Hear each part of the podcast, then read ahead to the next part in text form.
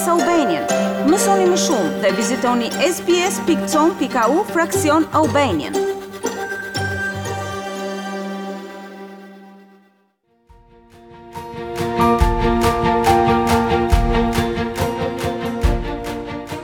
Të dashur dëgjues të programit ton Shqip në Radio SBS. Sot në valët e radios ton kemi zotin Recep Qemal, ose si që njojnë në komunitetin shqiptar australian të Viktorias, Reg Qemal. Reg është kryetar i shoqatës shqiptare të Shepartonit. Pre vitesh, Reg ka luajtur një rol të madh në menaxhimin e festivalit të përvitshëm të organizuar nga komuniteti shqiptar australian në Shepparton, të mirënjohurin Festivali Korjeve, që njihet me emrin Shepparton Albanian Harvest Festival ku Regj është antar i komunitetit për një kohë gjatë.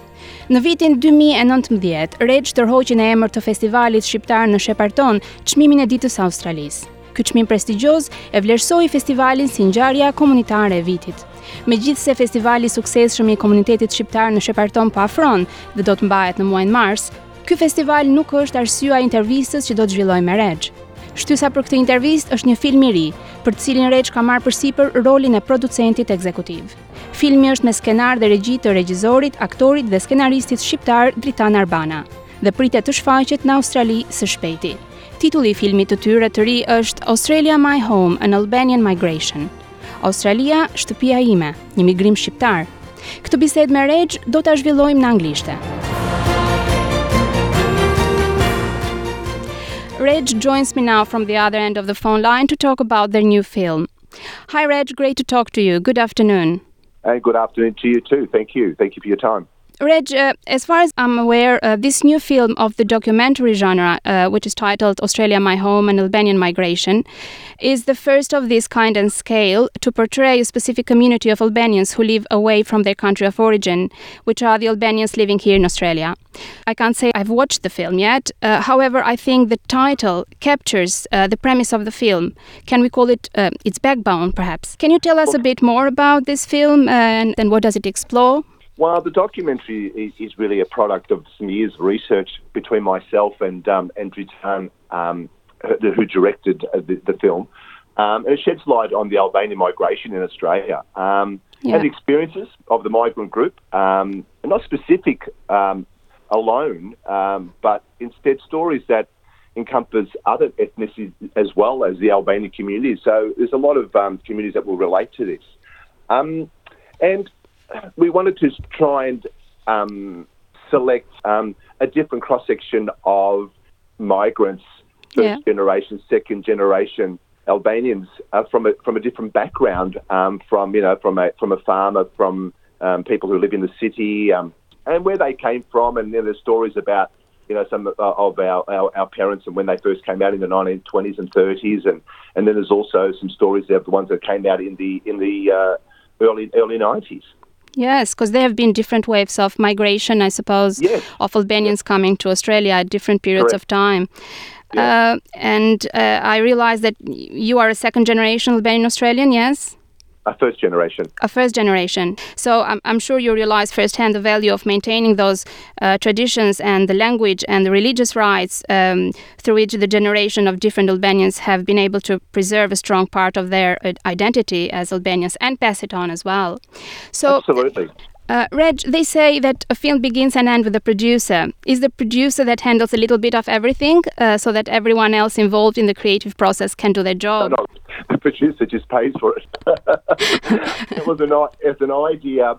Um, quite, it's quite interesting because it was an idea that I've had for quite a long time. I'm very passionate about it. Um, living in Shepparton all my life and, and growing up in the community and Mm. Um, and been involved with the community and been involved with the Harvest Festival here in Shepparton. Got a lot of um, things over the years that um, have inspired um, the idea, and and whether I'm going a bit off track here or not, but I, I think even from the director's point of view, it was 20 years ago that I met Dritan um, in another town, New South Wales. What was the process of putting together this plan to make a documentary such as this with Dritan Arbana? Yeah, well, I met Dritan, um, as I said, 20 years ago. Um, I had a business and entertainment centre up in uh, in Wagga Wagga, and uh, Dritan had um, come out from Albania. His parents had sent him out to Charles Sturt University to uh, do film and um, acting, Mm-hmm. photography, and I just happened to meet him. He came up to the venue one night, um, showed his Albanian passport to my wife, actually, and and she said to him in Albanian, Sivete mir, and and he goes, Are you Albanian? No, but my, my husband is.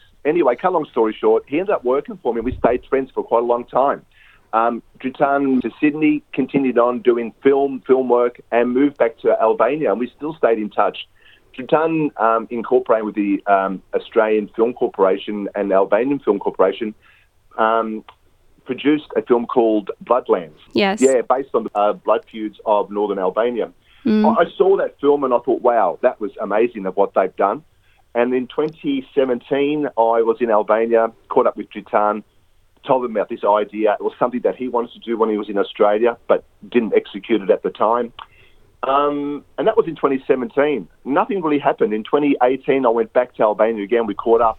And at that time, I came across a book called Kurbet. That was the, um, the journey of uh, Albanians in Victoria. And that really inspired me and gave me some more vision of what the documentary could be. I mean, I had a folder full of ideas.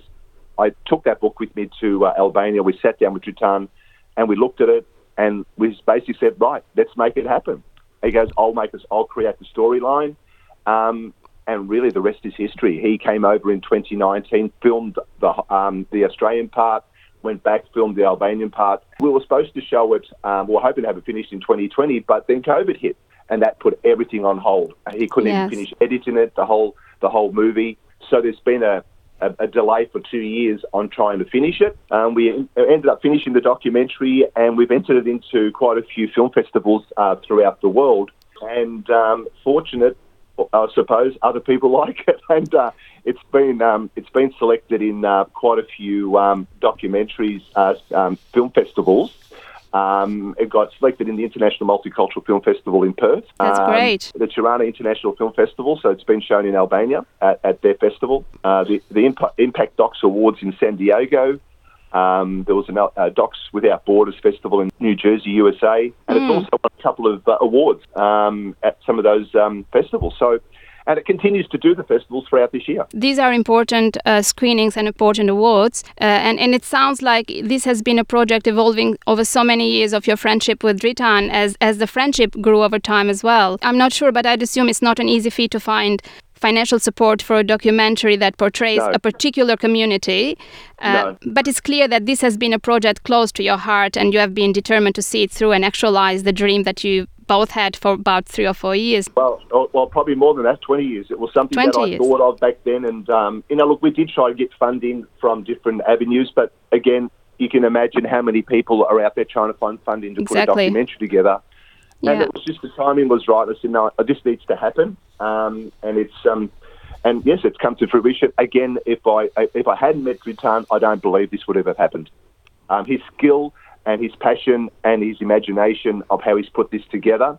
It's not a typical documentary where it's narrated by one particular person. It's narrated by the, the storytellers themselves. There are different voices.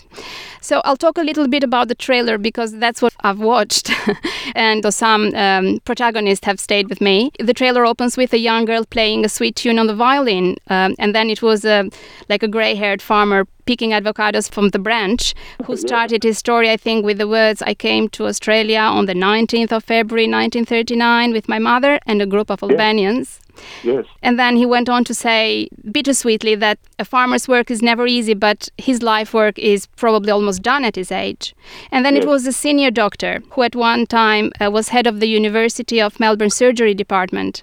That's Uh, correct. and also, I recognize my Linda, which she's a contemporary Albanian Australian. Uh, she's also in the trailer, reflecting on the great shifts in Australian uh, immigration policies in the past and today. But Yes. all these real life characters, um, who in their stories acknowledge that they came from humble beginnings, let's say, and moved on uh, in their life through hard work and resilience and through each other's support, but also Absolutely, yes. respecting the, the, the laws uh, of this new country where they were settled. So, um, can you tell us a bit more about these protagonists who took part in the documentary and why were their stories important to tell in the film? Well, even just I can pick out Elita Weimer, um, her husband, the late Jim Weimer. Um, some 20 odd years ago, came up with an idea of having the, the Harvest Festival here in Shepparton.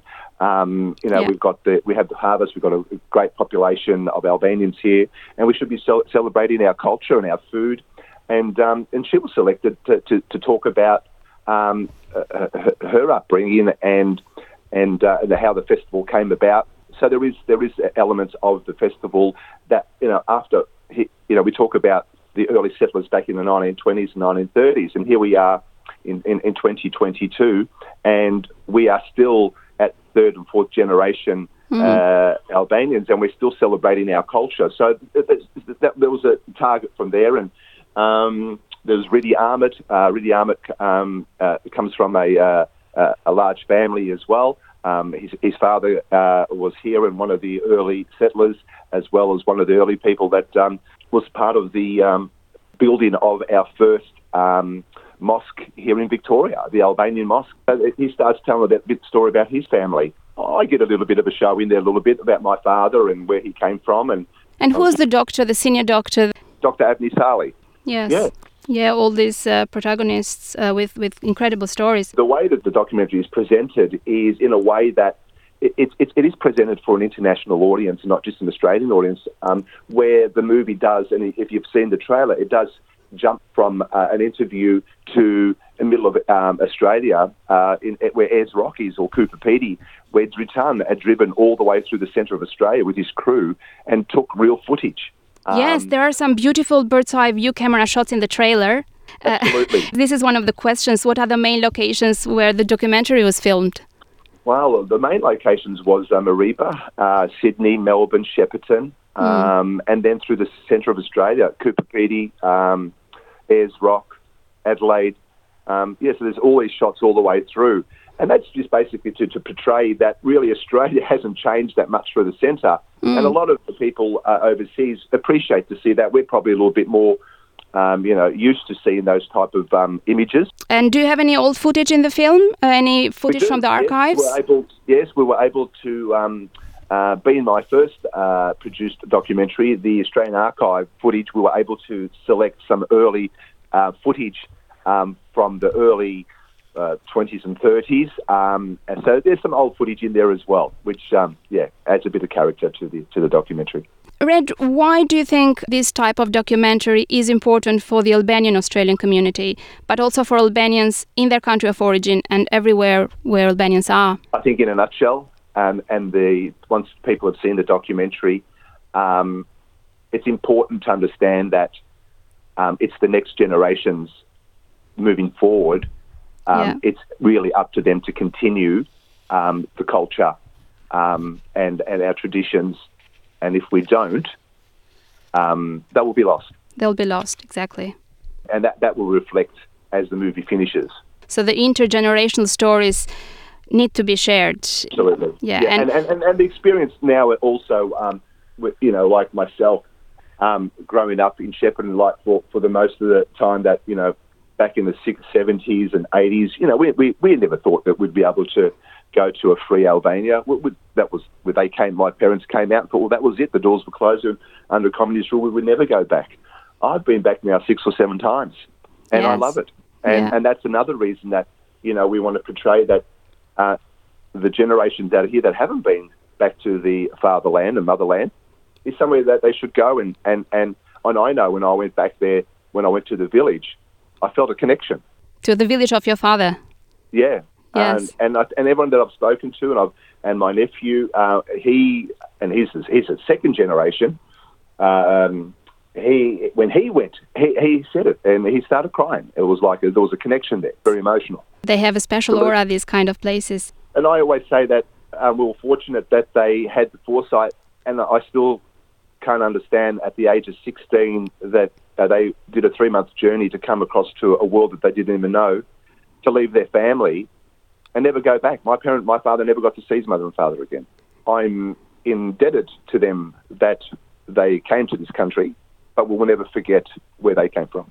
Yeah, indeed. The documentary of this kind has a cultural significance as well for Albanians uh, because it not only documents in, in a dry way statistically, but also cinematically through the moving image and through the stories and through the music, a moment Yes. in time for a well defined Albanian community that's the Albanian community living in Australia. Yes. Let's talk about um, uh, the screening for your film. The pandemic situation and the tough state restrictions in the last two years must have been hard for an Very. independent movie to get the attention they need to succeed. Um, so, how has it impacted the screening? the International um, Multicultural Film Festival in Perth weren't able to show it uh, here in Australia at the time when it was, and, that, and they were going to show it in Perth, Melbourne, and Sydney, but it didn't happen. Um, and then we would have liked to have had the movie finished so we could have done uh, a few screenings here here in, in Australia. But again, due to COVID, it didn't. But fortunate enough, it's finished now, and we've got we've got the Harvest Festival on the twentieth of March. And I spoke to the committee, and Dritan and myself have um, given them the documentary uh, as a fundraiser for the festival, and they're having a special screening of the documentary on the second of March at the Village Cinemas in Shepparton. Now, obviously, with limited tickets, probably I would have to say that um, uh, 70% of the tickets are already sold. So, um, so that's happening on the 2nd of March at the Village Cinemas. So there are some tickets still available. Um, uh, other than that, they'll continue to do the film festivals uh, throughout the world. There's, an, I think it's invented another.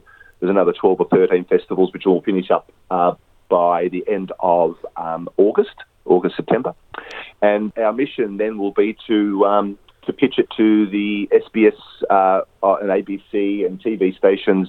I- think it fits the demographic of what they look for, so we're hoping that that will that they will broadcast it. And uh, from there, we will then will be uploaded to a platform on Amazon and so forth, and then people all around the world will be able to download it and watch it, and it'll be um, uh, online then forever for people to watch. It sounds like a great plan. Uh, so, to recapitulate for our listeners, uh, the new documentary film Australia My Home and Albanian Migration will hold a special preview screening on the 2nd of March at Village Cinema in Shepparton at 7 pm. This screening will be a lead up to the Albanian Harvest Festival happening later in March, in the 20th of March. Reg, I hope the film will captivate the hearts of the same community that has put into the spotlight for all the good reasons, the Albanian community here in Australia.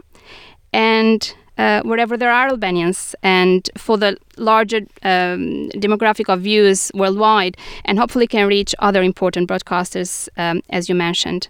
Thank you for thank you for your time and thank you for the opportunity to uh, to, to, to share to share the uh, these um, this, the stories.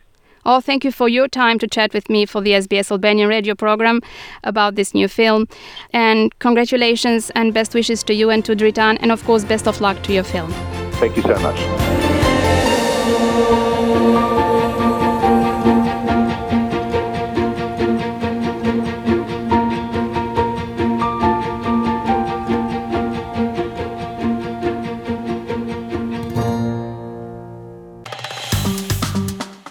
Pëlqeu ky reportazh? Për më shumë vizitoni Apple Podcast, Spotify ose faqet e tjera të podcast.